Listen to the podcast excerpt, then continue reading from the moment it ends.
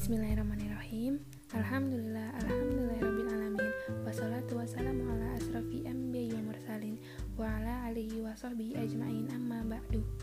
Assalamualaikum warahmatullahi wabarakatuh. Halo Sobat Surga, apa kabar? Gimana perasaannya sudah melewati tahun 2020? Semoga di tahun ini bisa lebih baik ya. Amin.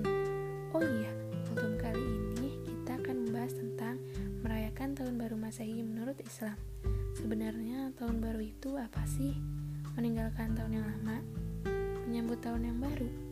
Jadi sobat, tahun baru adalah suatu perayaan budaya kaum tertentu yang menandakan berakhirnya masa satu tahun dan menandai dimulainya hitungan tahun yang baru. Nah, dari definisinya aja udah ada kata merayakan. Sedangkan dalam Islam jelas tidak ada perayaan-perayaan. Ditambah lagi, kita sudah tahu mengenai asal-usul dari tahun baru. Rasul pun tidak mencontohkannya. Masih belum yakin buat tinggalin tradisi tahun baru?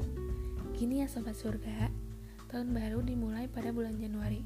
Nah, menurut sejarah, 1 Januari itu adalah kelahiran Dewa Janus, yang mana Dewa Janus ini dikatakan dalam legenda Romawi yang memiliki dua wajah, satu menghadap depan dan satu menghadap belakang.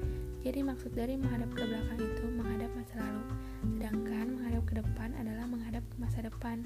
Ditambah lagi sering kali banyak atribut-atribut yang ditambahkan. Salah satunya memakai topi yang berbentuk kerucut atau topi San Benito.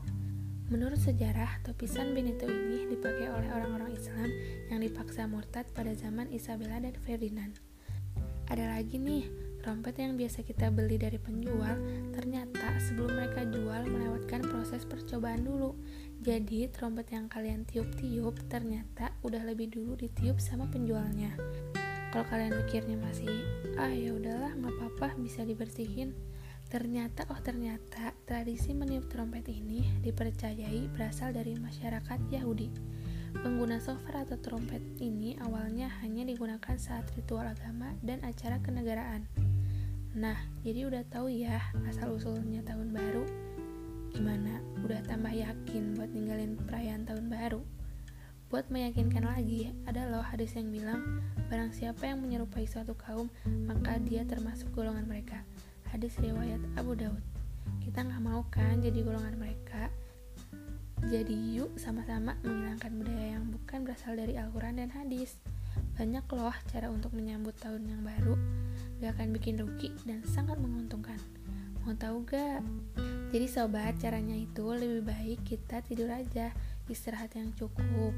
Gak usah habis-habisin uang untuk beli petasan. Ntar petasannya juga dibakar. Benar-benar gak bermanfaat kan? Sementara banyak orang di luar sana yang berjuang buat dapetin sesuap nasi, apalagi di tengah masa-masa yang terbilang sulit ini. Dengan kita merayakan tahun baru juga ngebuat kita tidurnya larut malam. Bisa-bisa nanti bangun untuk tahajudnya jadi telat. Tidur awal waktu aja kadang kelewat kan?